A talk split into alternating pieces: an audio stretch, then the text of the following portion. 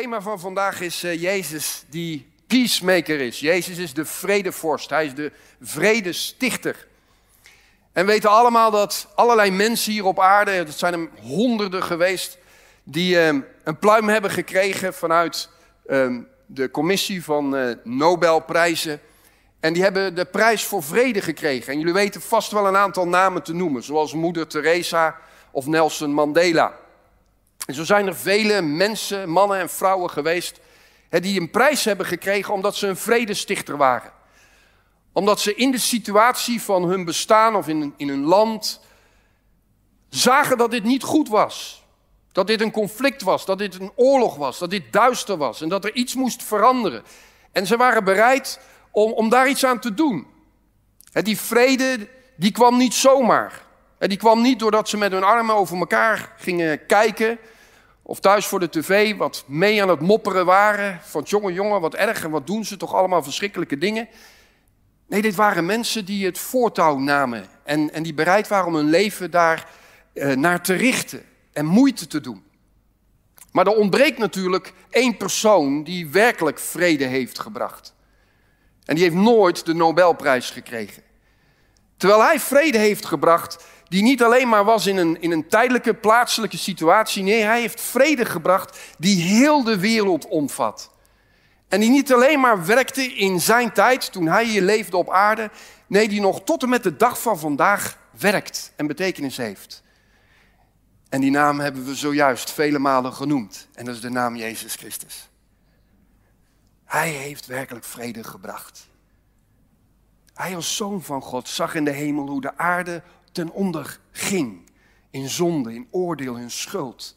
Zag hoe mensen steeds verder afdreven van het plaatje van God. Waar we immers gemaakt waren naar zijn beeld en gelijkenis. En in die situatie bracht God een keer door zijn eigen zoon te sturen. Hij zag dat die aarde helemaal vastgeketend was aan de zonde, maar ook aan de duivel. De duivel die heerschappij had gekregen op deze aarde, omdat Adam en Eva die gewoon aan hem gegeven hadden, door naar hem te luisteren. En de duivel was daarmee rechtmatig bezig hier op aarde om die te verdelgen. En om ziekte en dood en moeite te brengen in levens van mensen die kostbaar zijn in de ogen van God. Want nogmaals, ze zijn gemaakt naar het beeld en gelijkenis van God de Vader. Wij horen eigenlijk bij Hem. En Jezus kwam in die conflict situatie. Hij kwam vanuit de hemel op de aarde om dat op te lossen. En hij deed dat niet door te onderhandelen, hij deed dat niet door te praten. Nee, hij deed dat door zijn leven te geven. En door uit te spreken, Heer, dat alles wat deze mensen aan zonde bij elkaar hebben gebracht, dat neem ik op mij. En het oordeel wat daarvoor nodig is, wat een rechtvaardig oordeel is, dat draag ik. U mag de vloek op mij leggen. En hij ontving dat op het kruis op Golgotha. Daarom lopen tot op de dag van vandaag vele christenen met een kruisje om hun nek. En is dat symbool van het kruis zo wezenlijk voor het christelijk geloof? Want Jezus heeft daar het volbracht. Voor heel de wereld, voor alle tijden, voor alle mensen. En dat is nu meer dan 2000 jaar geleden. En heeft dat nou verschil gebracht? Heeft dat nou vrede gebracht? Ja en nee. Zal ik eerst beginnen met het nee. Als we kijken naar de wereld van vandaag, zien we dat, dat deze wereld leeft in vrede? Nee. We zien oorlogen na oorlogen plaatsvinden. We zien rampen plaatsvinden.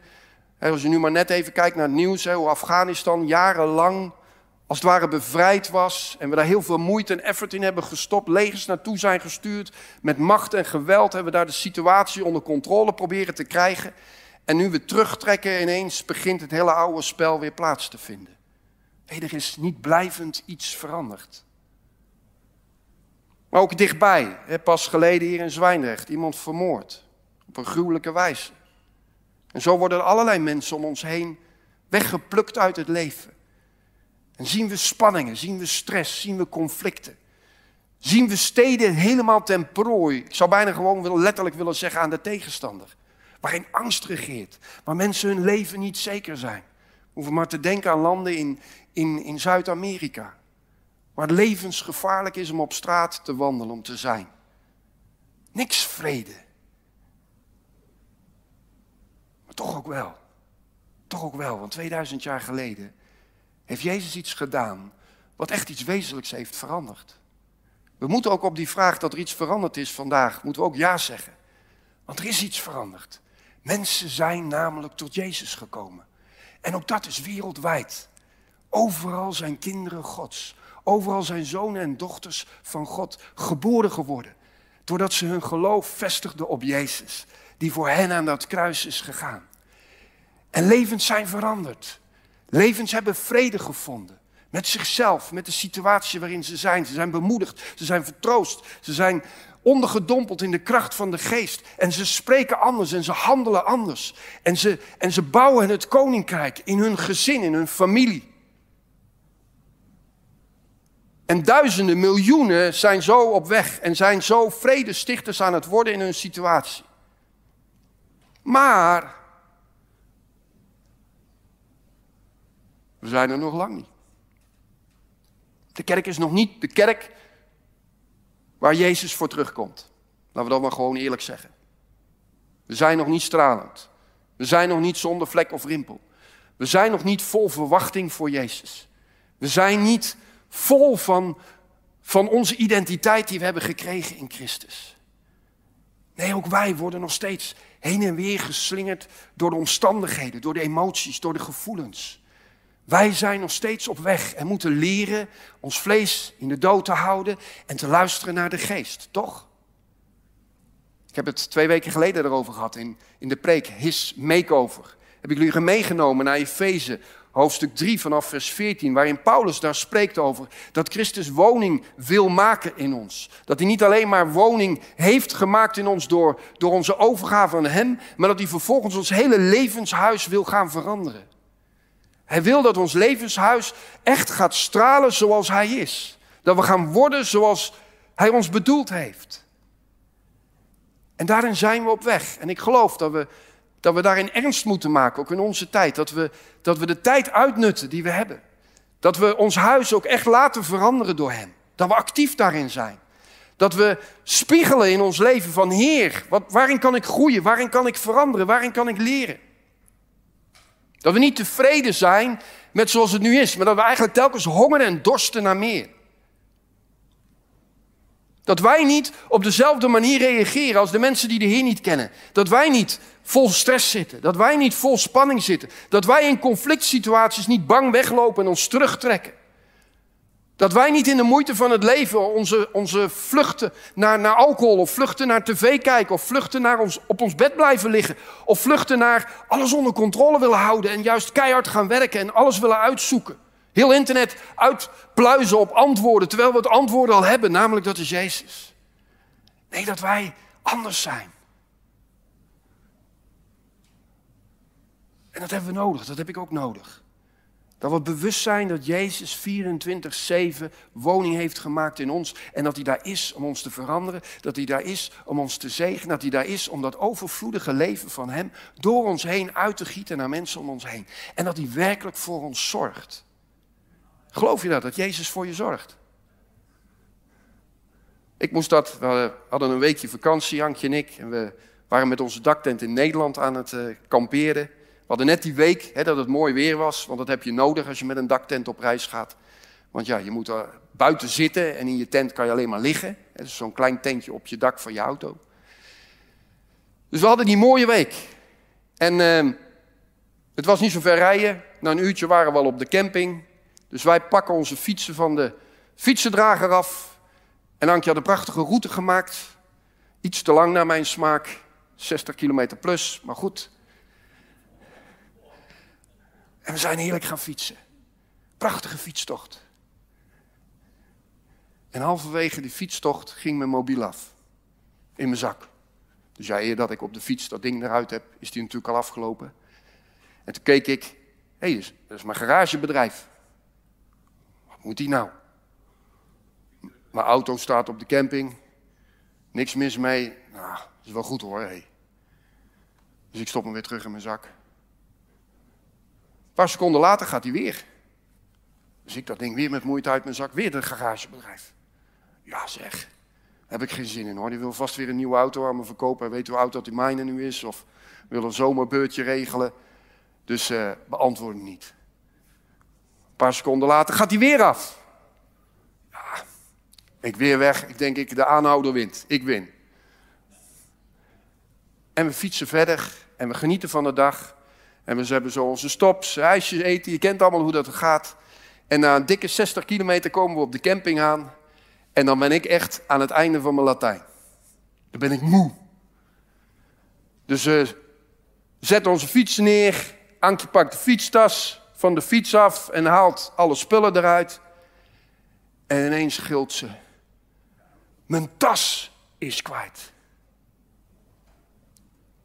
En in de tas zat de portemonnee, zat alle bankpasjes, zat de fietssleutel, reservesleutel, zat onze huissleutel, zat de autosleutel, zat de autopapieren. Daar zat alles in. En ik had het juist aan haar gegeven, zo van is het veilig. En zij had het juist allemaal in die tas gedaan, zo dan is het allemaal bij elkaar. En zij had dat veilig in die fietstas gedaan, maar het zat er niet meer in. En Ankje begon na te denken, oh, waar is dat nou gebeurd en hoe kan ik nou zo dom zijn enzovoort. En in mijn begin, zij praat altijd hardop hè, als, ze, als ze denkt. En ik denk in stilte. En dus in mijn gedachten komen de gedachten van oké, ik ga niet instappen van schuld schuiven. Want ik ben eigenlijk mede verantwoordelijk. Want ik had ook kunnen kijken wat er met die fietstas gebeurt en wat met die tas gebeurt. Dus ik, ik denk, wauw, ik heb de goede gedachten te pakken. Ik hou mijn mond dicht. Toch? Is toch goed? Maar toen begon het in te dalen. Toen begon het in te dalen. Toen begon de stress mij te pakken te krijgen. Toen had ik zoiets, help. Wat moeten we nou allemaal doen? En ineens vloepte uit me van, hoe heb je dat nou toch kunnen doen? En met dat ik dat gezegd heb, realiseerde ik me, maar van dit helpt helemaal niet. Dus ik hield mijn mond en Ankje reageerde er gelukkig ook niet echt op, want die was nog bezig met van waar is dit nou plaatsgevonden. En ik had zoiets, oh nee, 60 kilometer weer terug fietsen. En met de auto werkte ook niet, want we hebben her en der fietspaardjes gehad. Dat was echt allemaal moeilijk. Daar kon niet overal met de auto bij. Dus ik denk, ik ga zitten en ik ga nadenken. En ik ga zitten en ik zeg, Heer, wat nu? En met dat ik ga zitten en zeg, Heer, wat nu? Zegt hij, garagebedrijf. Dus ik zeg tegen Ankje, ik ga het garagebedrijf bellen. En ik bel het garagebedrijf en ze zeggen, ja, er heeft iemand gebeld, want die heeft uw fietstas gevonden.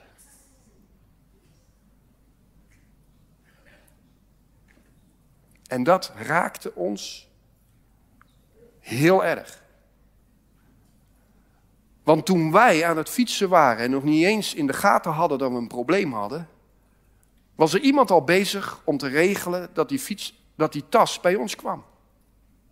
Want halverwege die rit, terwijl wij nog ontspannen waren en van geen kwaad bewust waren, was er iemand al aan het bellen. En toen we die persoon uiteindelijk ontmoetten, we moesten met de auto naartoe rijden, dat was een kwartier rijden, dus het was echt een end. Toen vertelde hij dat zijn dochter een rondje had gemaakt en die fietstas had zien liggen, of die tas had zien liggen. En vervolgens naar allerlei boerderijen was gegaan om te vragen of die tas misschien van hun was. En die dochter die kreeg de tip van nou hangen maar aan die paal daar vlakbij, dan vinden ze hem vanzelf wel. Maar die dochter was zo alert en zo slim om niet op dat advies in te gaan, maar haar vader te bellen. Met de telefoon belde haar vader, dit is aan de hand. En die pa die zei, breng hem maar hier naartoe, wij gaan dit oplossen. En hij had de politie gebeld. Die deed er niks mee. Hij had het gemeentehuis gebeld. Die zei, breng hem morgen maar. Hij had de fietssleutelbedrijf had hij gebeld. Die zei, ja AVG, we kunnen niks doen. En toen uiteindelijk had hij het garagebedrijf gebeld. En die zei, ja ook moeilijk AVG, maar ik ga hun wel bellen en dan bel ik wel weer terug of we een connectie kunnen maken. Zoveel moeite had hij gedaan om die tas bij ons weer te krijgen. En wat ons raakte, was dat God voor ons zorgde, terwijl wij nog geen, niet in de gaten hadden dat we een probleem hadden. Dat God mensen gebruikte om iets terug te brengen naar ons, terwijl wij nog niet eens een gebed hadden gebeden voor die nood. Dat God, zoals Efeze zegt, in hoofdstuk 3, vers 20, hem nu die blijkendste kracht, welke in ons werkt, bij macht is oneindig veel meer te doen dan wij bidden of beseffen. Hem zij de heerlijkheid in de gemeente en in Christus Jezus tot in alle geslachten, van eeuwigheid tot eeuwigheid, dat dat waar is. Hij doet veel meer. Hij kent de haren op je hoofd. Als hij voor mussen zorgt, dan zorgt hij ook voor jou. Hij antwoordt al voordat je hebt gebeden. Hij zorgt voor jou voordat jij behoefte hebt aan zorg. Hij gaat met je mee, ook al vraag je daar niet om. Nee, want je bent een zoon en dochter van hem, dus hij gaat met je mee. En de liefde van God overweldigde Ankje en mij en raakte ons diep en we werden er ontroerd van. Al die stress, al die spanning was nergens goed voor. Ga zitten en wend je blik op Jezus. En verwacht dat Hij spreekt. Verwacht dat Hij leiding geeft. Verwacht dat Hij je troost. Verwacht dat Hij je perspectief geeft. Zijn liefde faalt nooit. En dat is een waarheid die je 24-7 mee mag dragen in je leven. Dat is een waarheid die niet alleen maar hier op zondag geldt. Dat is een waarheid die juist ook geldt maandag, dinsdag, etc. En het wordt van belang dat wij dat in ons systeem zo hebben dat we dat niet alleen maar voor onszelf geloven, maar dat we dat ook geloven voor een ander. En pas als je er zelf ten volle bewust van bent, ga je ook uitdelen aan een ander. Als je zelf niet gelooft in de boodschap, kan je de boodschap ook niet brengen. Als je zelf als vertegenwoordiger van een bepaald product niet gelooft in je product, dan kan je het nooit goed verkopen. Als jij een bepaald merk uh, wil verkopen, maar je hebt hem zelf thuis niet, dan gaan mensen toch een beetje nadenken. Ja, Samsung is een hartstikke goed telefoon. Hartstikke goed, moet je kopen. En wat voor telefoon heb jij? Ja, ik heb een iPhone. Ja. Dat komt niet over. En toch proberen wij als kinderen van God vaak zo te evangeliseren, de boodschap te brengen. Proberen we um, te bidden voor anderen, maar, maar voor onszelf geloven we het eigenlijk niet ten volle leven we er eigenlijk ten dele van. Als mensen 24-7 met ons optrekken, zouden ze zien dat wij heel vaak natuurlijk reageren, heel vaak in stress reageren, heel vaak in situaties nog boos zijn en agressief zijn, en verbolgen zijn en naar God boos zijn en, en, en hem allerlei dingen verklaren. Terwijl we niet voldoende hebben gekeken naar Jezus. Daarom is die oproep, kijk naar Jezus. Kijk naar Jezus. Daarom is het zo prachtig dat lied wat we net zongen. Jezus, Jezus, Jezus. Doet de naam van Jezus echt iets met jou? Springt er dan iets op in jou? Word je dan warm van binnen? Het krachtigste kan jij het evangelie brengen als je er vol van bent. We spraken laatst iemand bij ons thuis die bij ons de ramen doet. En die had een heel, heel gesprekje met hem. Er was allemaal uh, ja, een beetje spanning met, bij hem thuis.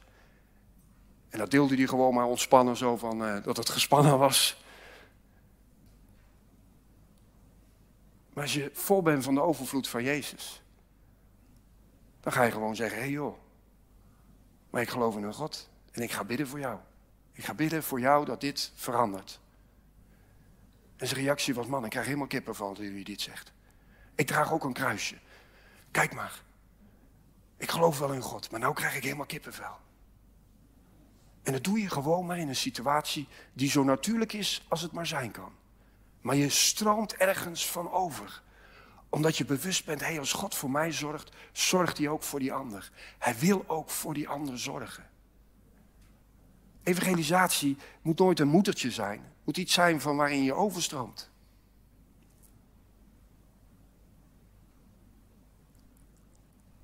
Jezus is gekomen om vrede te brengen. En hij heeft het gebracht. En heeft het nu uitgegoten in jou en mij met als doel dat jij en ik nu die vrede gaan brengen. Dat wij nu het verschil uit gaan maken in allerlei situaties. In ons eigen leven, maar ook in levens van anderen. Dat we in die zin bemoeizuchtig zijn. Dat we in die zin demonstreren wie Hij is. Dat we geluid maken. Dat we zichtbaar worden. En de kerk is daarvoor bestemd. De kerk is daarvoor bedoeld. En Paulus komt nu in de Efezebrief, en jullie weten dat ik die aan het behandelen ben in al mijn preken. Hij komt nu in zijn Efezebrief, komt hij toe aan dat aspect van vermanen. We zijn inmiddels, inmiddels aangeland, namelijk bij hoofdstuk 4. Sla maar vast op, hoofdstuk 4, vanaf vers 1. Paulus gaat ineens vermanen. Ineens gaat hij van alles wat hij geschilderd heeft in hoofdstuk 1 tot en met 3, waarin hij de goedheid van God, de rijkdom in Christus, onze identiteit heeft neergezet, gaat hij ineens over naar vermanen. Zullen we het eens lezen en eens op ons in laten werken? Als gevangenen in de Here vermaan ik u dan te wandelen waardig der roeping waarmee gij geroepen zijt. Met alle nederigheid en zachtmoedigheid, met langmoedigheid en elkaar in liefde te verdragen. En u te beijveren de eenheid des geestes te bewaren door de band des vredes. Eén lichaam en één geest. Gelijk ge ook geroepen zijt in die ene hoop, uw roeping. Eén Heere, één geloof, één doop, één God en Vader van allen die is, boven allen en door allen en in allen. Hij maakt nu een switch. Hij gaat vanaf hoofdstuk 4, vers 1, gaat hij eigenlijk spreken over onze levenswandel. Hij heeft in hoofdstuk 1 tot met 3 heeft hij uitgebreid geschetst en verteld aan de gemeente te Efeze, maar ook aan jou en mij, wie we zijn in Christus. Wat Hij heeft gedaan voor ons. Hoe rijk we zijn. Hoe krachtig onze identiteit is. Als zoon, als dochter. Hoe geweldig het is dat God altijd met ons is. Dat Hij onze Vader is. En dat de hemelse voorzieningen daar zijn. Maar hij realiseert zich ook. Als we dat allemaal weten. Maar we doen niks. We komen niet in beweging. Dan wordt het geen realiteit hier op aarde. Dan wordt het niet zichtbaar hier op aarde dan zijn we eigenlijk die mensen die met hun armen over elkaar kijken naar de tv en alle noden zien en alle situaties horen en in je eigen gezin misschien hoort en, en in, op je werk en, en je armen blijven over elkaar en je blijft klagen en je blijft mopperen. Terwijl al die informatie mag jou brengen in gebed, mag jou brengen in Heer, wat mag ik hierin doen? Wat kan ik hierin betekenen? Hoe kan ik hierin overlopen? Hoe kan ik hierin overvloedig zijn? En Paulus vermaant vanuit die gezindheid. Hé, hey, weet je wie je bent? Vermaan is voor ons altijd een beetje een negatief woord, hè? Als je gewoon kijkt naar dat Grieks, is dat niet zo van... Hé, uh, hey, gemeente, hé, hey, gemeente, kom op, schiet eens op, ga eens wat doen. Nee, hij zegt eigenlijk... Ik push jullie, ik stimuleer jullie, ik dring jullie vanuit jullie identiteit te gaan leven. En dat doe ik vanuit de relatie die ik heb met jullie, maar ook vanuit de relatie die jullie hebben met jullie hemelse Vader. Hij doet het dus niet vanuit boosheid. Hij doet het niet vanuit teleurstelling. Hij doet het niet van, jongen, waarom doen jullie nou niks? Nee, doet dit gedreven door liefde van, hé, hey, weet je wie je bent? Het kan toch niet zijn dat je niet waardig gaat wandelen? je kan nu waardig wandelen. Je kan nu zonder stress reageren op deze situaties. Je kan je tong beheersen. Je kan je vrouw niet uitschelden. Je kan positief gaan praten. Je kan kiezen voor bidden en luisteren naar de Heer in plaats van luisteren naar wat de omstandigheden zeggen. Je kan waardig wandelen. Niet vanuit, vanuit oordeel, vanuit straf, want anders komt er straf. Nee, vanuit het feit, hé, maar weet je wie je bent? Dat is heel wat anders. Daarom is de vredevorst Jezus op zo'n heel ander level bezig als dat we in de wereld bezig zijn. In de wereld zijn we bezig om door middel van controle en door middel van agressie en straf de boel onder controle te houden. De boel in de rust te houden. Maar geen mens wordt erdoor veranderd. Meestal slaat het op terug. Want als jij geweld gebruikt om een situatie onder controle te krijgen, dan roept dat eigenlijk alweer geweld terug. Kunnen wij wel zeggen, geweld is proportioneel, maar die ander ervaart dat waarschijnlijk niet als proportioneel. Dus het zijn eigenlijk altijd tijdelijke maatregelen, die tijdelijk iets tot rust brengen. Maar Jezus brengt iets werkelijk in de vrede. En dan vraagt dat van ons dat wij gaan wandelen waardig van die roeping. Dat wij daar ernst mee maken. Dat we ons realiseren, hé, ik ben daarvoor geroepen.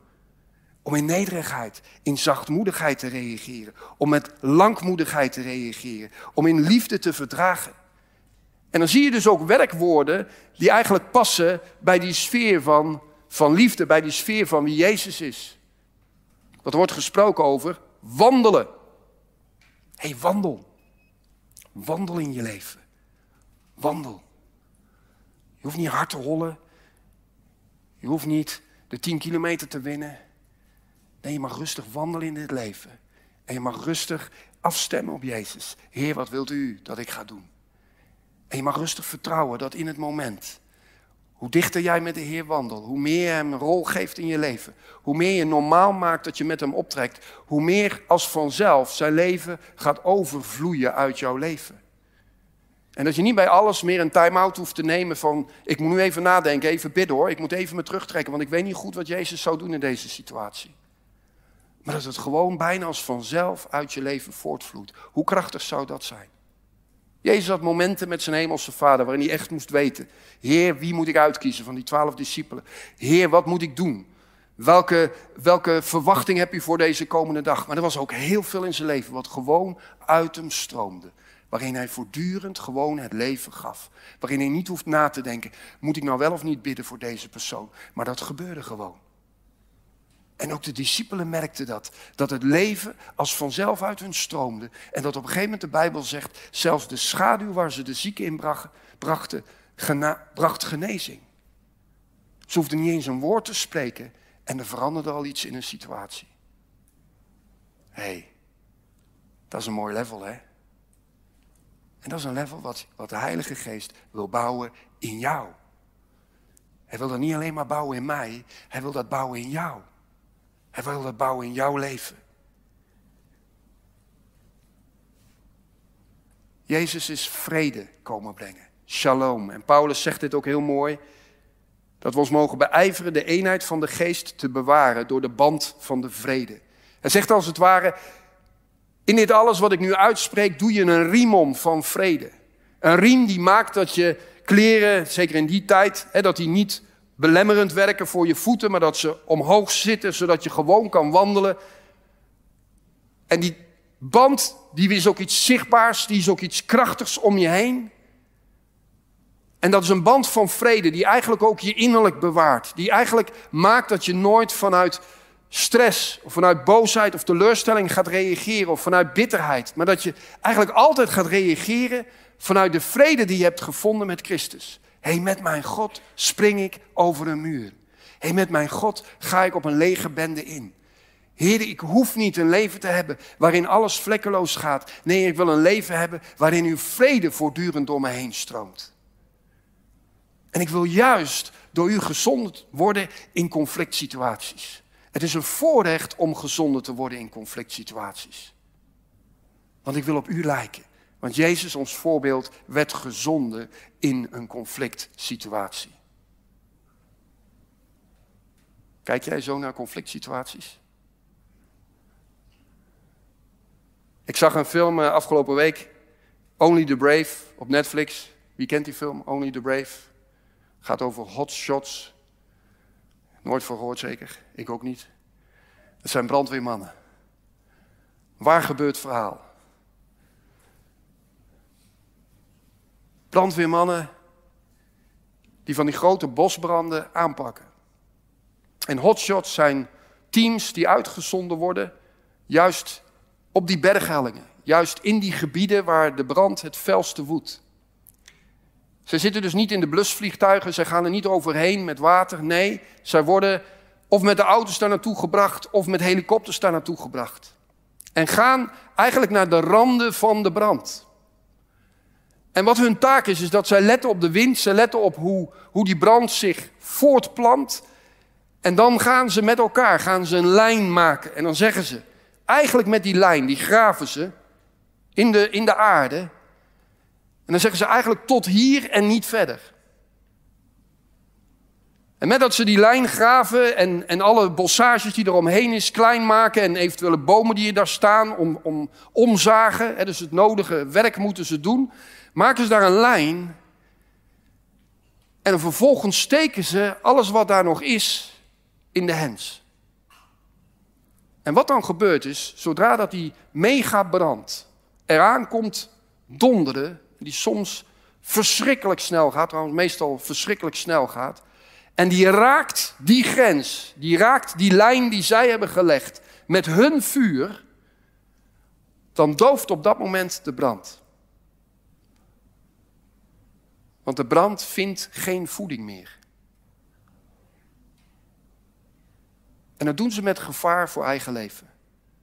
Want het klinkt nu natuurlijk even heel makkelijk. Maar je bent super afhankelijk van hoe de wind is en hoe het allemaal gaat. En je bent super afhankelijk van je team. Want ieder heeft zo zijn rol. Er moet er één op de uitkijk staan, hoog, om te kijken hoe dat vuur zich ontwikkelt. Hoe de windrichting gaat. En de anderen moeten lijn aan lijn moeten hun werk doen. En alles is even relevant daarin. En dan stoppen ze het vuur. En zo worden ze uitgezonden over gebieden het hele jaar door. Om daarin branden tot staan te brengen. En toen ik daar zo over nadacht, dacht ik, er zit zo'n mooi symbool ook in. Wat ook mag spreken over jou en mij. Tot op de dag van vandaag gaat er een hels vuur over de natie, over deze wereld. En wat we kunnen doen als kerk is ons daarvoor verstoppen en net doen alsof het er niet is.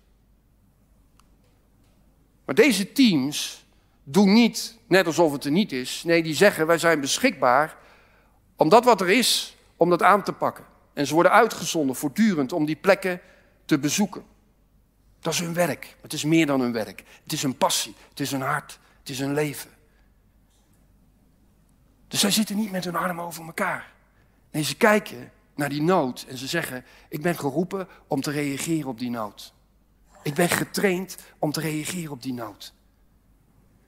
En als wij zo kijken naar de wereld, als wij zo kijken hoe, hoe de wereld steeds meer geschud wordt, nog steeds in brand staat, hoe Nederland ook echt van het pad af is, dan is het zaak dat we ons realiseren, hé, hey, wij kunnen die brand wel degelijk stoppen. Wij kunnen dat helse vuur wel degelijk stoppen. Het vraagt van ons dat wij ook een lijn zetten. Dat wij ook zeggen, hé, hey, tot hier en niet verder. En we gaan dit stoppen. En we gaan dat heilige Pinkstervuur wat we hebben ontvangen, gaan we als een tegenvuur inzetten. We gaan dat wat Jezus heeft bewerkt op Golgotha, gaan we inzetten. Wij gaan dat wat Hij is, liefde, gaan we inzetten tegenover haat. We gaan dat wat Hij is, licht, gaan we inzetten tegenover wat duister is. We gaan, gaan dat wat vloeken is, gaan we, gaan we zijn zegen tegenover zetten. We gaan daar waar verdeeldheid is, gaan we onze eenheid tegenover zetten. Daar waar trouweloosheid is, gaan wij onze trouw daar tegenover zetten. Daar waar mensen wegvluchten en opgeven, gaan wij zeggen: Ja, maar ik, ik ga die extra mijl. Onze, ons werk is niet dat we onze spieren gaan tonen. Ons werk is niet dat we keihard onze mond in alles gebruiken. Nee, ons werk is dat we in ieder geval die lijn gaan neerzetten. En dat we die lijn gaan bewaren. Dat we in de gezindheid van Christus gaan staan. Dat we dat werkelijk toelaten in ons leven zoals Paulus ons vermaant. Dat we dat serieus nemen en dat het karakter van Jezus ons karakter wordt. En dan vervolgens zijn gaven van de geest gaan laten functioneren en daarmee zijn daden gaan doen.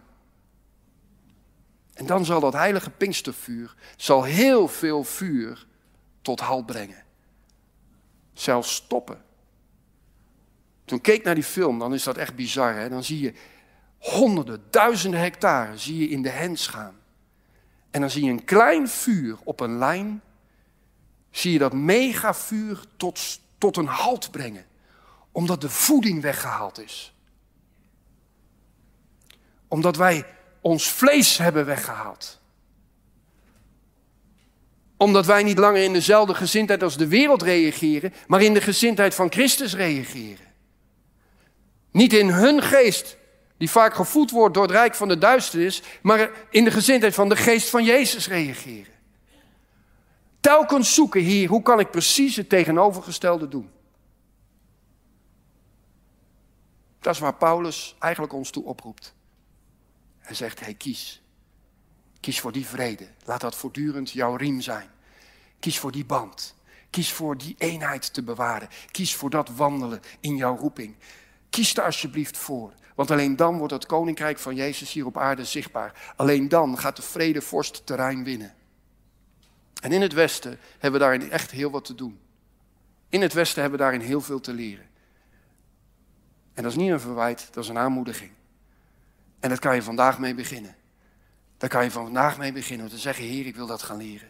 Heer, ik wil mijn dagen echt serieus gaan nemen. Ik wil de momenten waarin de dingen plaatsvinden in mijn leven, wil ik gaan luisteren naar u. Wil ik gaan bidden op de spot. Wil ik gewoon zeggen, ik ga nu even stil worden, want ik heb even hulp nodig. Kan jou het schelen dat je collega's daar wat van vinden? Laat, laat gewoon even horen, joh, dit is, dit, is, dit is te moeilijk voor mij. Ik ga even bidden. Ik ga even bidden. Ik heb hulp nodig van God. Hoe krachtig is het als je collega's gaan merken dat, dat God door jou heen antwoordt? Als Hij de verhoorder is van jouw gebeden. Waarom doen we alles stiekem? Laat de wereld maar weten dat we een God die luistert. Dat er een God is die met ons is. En dan komt de eer van God komt op ons. En misschien dat de wereld op een gegeven moment ook ons gaat eren en gaat zien van... hé, hey, dat is een kerk die het verschil uitmaakt. Daar gaan we eens naartoe. Daar gaan we eens naartoe voor hulp. Daar gaan we eens naartoe voor wijze raad. Prima, dan is dat een goed gunst van God. Maar daar doen we het niet voor. We doen het ervoor omdat we ons realiseren: hé, hey, ik ben een zoon, ik ben een dochter. Zo met elkaar eens gaan staan daarin. En dan wil ik daarvoor bidden. Want ik geloof dat jullie dat allemaal willen. Mag het worship team komen? Dus als je het echt niet wil, dan blijf je gewoon lekker zitten. En als je niet kan staan, mag je ook zitten. En dan steek je gewoon je handen maar op. Want ik weet niet hoe lang ik ga bidden. Heilige Geest. Heilige Geest, u bent de voorziener in ons leven. En er is zoveel vrede in Christus. Ons leven is niet meer van ons, maar is van u. En dat geeft zo'n rust, Heer. Dat wat er ook gebeurt in ons leven. Heer, we zijn van u. We hebben een ticket naar de hemel, Heer. Of ik nu lang of kort hier op aarde ben. Ik ben voor de eeuwigheid bij u. Heer, of ik nu veel kan betekenen hier op aarde of voor mijn idee minder. Maakt niet uit, want ik ben van u. Maar vanuit het feit dat ik van u ben, Heer, wil ik, wil ik zichtbaar zijn, wil ik zegenen, wil ik, wil ik laten stromen. Wil ik misschien het weinige wat ik in mijn ogen heb, wil ik, wil ik geven. Al ben ik maar diegene die dat greppeltje graaft. Ben ik niet eens diegene die dat vuur aansteekt. Of die met die kettingzaag die bomen omverwerpt. Misschien ben ik alleen maar die graver. Alleen maar die bidder. Alleen maar degene die telkens de aarde bewerkt, zodat het zaad kan vallen. Heer, ik wil dat deel doen. Ik wil geloven dat dat wat ik doe relevant is. Omdat u zegt dat het relevant is. Omdat ik dat doe vanuit relatie met u en dan kan je nooit teleurgesteld raken. Dan hou je altijd moed, dan vat je altijd moed. Heer, daarom zegen ik uw gemeente. Ik zegen in ieder die kijkt. Ik zegen de mensen in de blok. Ik zegen uw huis. Ik zegen een Heer met die openbaring, Heer, van uw aanwezigheid in ieders leven. U bent de voorziener, u bent trouw, u bent een zorgzame God, u bent een goede Vader. Maar vandaag vermaant u ons om nu ook waardig in die roeping te gaan wandelen van zoon en dochter. Om actiever te worden in onze keuze voor eenheid. Actiever te worden in onze keuze voor vredestichter. Actiever te worden in verdraagzaamheid, in liefde, in langmoedigheid, in trouw, in vergevingsgezindheid.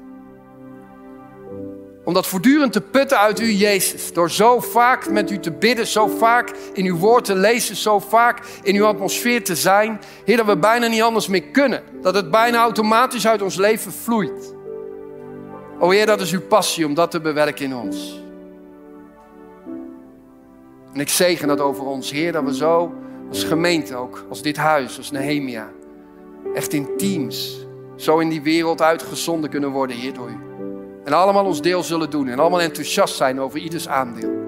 Dat er geen jaloersigheid is, geen conflicten, geen afgunst, ellebogenwerk, maar dat we allemaal zeggen, oh Heer, wat een voorrecht om samen met u die hotshot te zijn in deze wereld. En dat duivelse vuur tot staan te brengen en uw koninkrijk te laten doorbreken. Ik zegen jouw geest dat je dat ontvangt. Die hotshot voor Jezus. Die hotshot voor Jezus. Geest van God, kom met dat vuur en wakker dat aan in ons. Niet alleen maar nu, Heer, maar juist morgen. Juist vanmiddag. Juist als we in die spanning of in die stress zijn of in dat conflict op ons werk. Of in die onmogelijke opdracht die we eigenlijk niet aankunnen, die boven ons level is. Maar die we toch moeten doen. O Heer, kom dan juist. Met uw vrede, met uw waarheid, met uw voorziening, met uw hulp. Dank u wel, Heer, dat we zo samen schouder aan schouder daarin mogen staan in de naam van Jezus. Amen. misschien ben jij hier en heb je me zo horen praten over Jezus. Alsof het mijn beste vriend is en dat is hij ook. Alsof de meest relevante persoon is in mijn leven, nou dat is hij ook. Of ik meer van hem hou als van Ankje en is mijn vrouw, ja, ik hou meer van hem. En dat is omdat hij mijn leven heeft gekleurd. Dat is omdat hij mijn leven heeft getrokken met koorden van liefde. Omdat hij me heeft laten zien dat hij de enige en waarachtig is. Maar ook omdat hij heeft laten zien dat hij mijn bestemming heeft voor de eeuwigheid. Om bij Vader God te zijn. Hij wil niet dat ik verloren ga in zonde en in schuld. Hij wilde niet dat de dood het laatste woord straks zou hebben over mijn leven. Nee, hij wilde dat ik eeuwig zou leven bij hem. En toen ik me dat realiseerde, gaf ik mijn leven over aan hem. En dat is ook voor jou. Dus als jij hier zit en je hebt geen zekerheid over een eeuwig leven in de hemel bij de hemelse Vader. Als jij geen vrede hebt gevonden in jouw leven. Als je eigenlijk alleen maar gericht bent op jezelf en op je eigen prestaties, of ze nou heel goed zijn of misschien heel kwalijk zijn, dan kan je vanaf vandaag in een nieuw leven stappen. Die switch kan je vandaag maken. Dat is het goede nieuws. Je kan vandaag vrijkomen van je oude leven. Net zoals een gevangene op één moment vrijkomt uit de gevangenis. Op het moment dat die uitspraak er is. Je hebt de prijs betaald. Je hebt je, je gevangenisstraf uitgezeten. Je mag er nu uit. En de deur gaat open. En op dat moment is die persoon er dus ook uit. En is die vrij. Dat is een secondewerk. Zo is dat ook voor jou vandaag. In één moment kan jij in de volle vrijheid komen die Jezus voor jou bewerkt. Jij hoeft niet meer in de gevangenis te zitten, want Jezus is voor jou naar het kruis gegaan. Als dat voor jou is, als jij dat wil ontvangen, als jij die zekerheid, dat eeuwige leven wil ontvangen, als jij in de vrijheid wil komen, steek dan een moment je hand op. Laat hem duidelijk zien aan mij. Ook als je thuis meekijkt of in de blok bent, steek je hand duidelijk open naar de hemel en laat zien dat dit voor jou is. Is dat voor jou, zus? Steek jij je hand op, is het aanbidding? Ja, mooi. Zijn er nog meer mensen? Ja, mooi. Hé, hey, dan wil ik jullie voor jullie bidden. Jullie hebben hiermee al gezegd, Jezus, kom in mijn hart. Maar ik wil graag voor jullie bidden. Kom een moment naar voren, naar me toe, dan zal ik met jullie bidden. Schaam je niet, want de zaal geeft jullie een applaus. Kom maar een moment.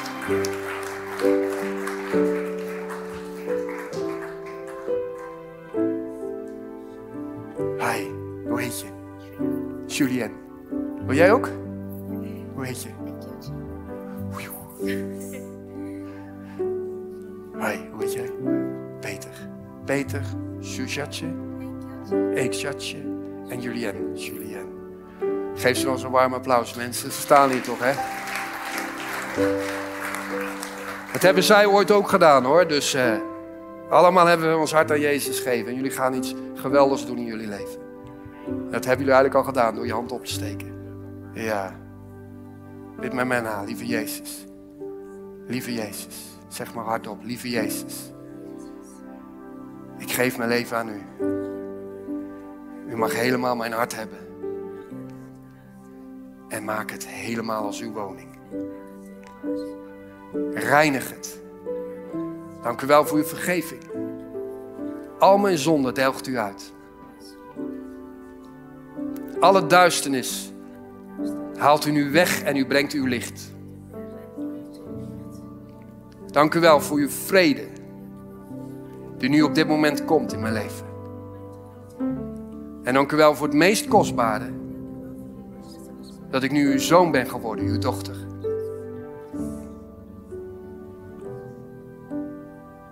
Ik keer niet meer terug naar een leven zonder u.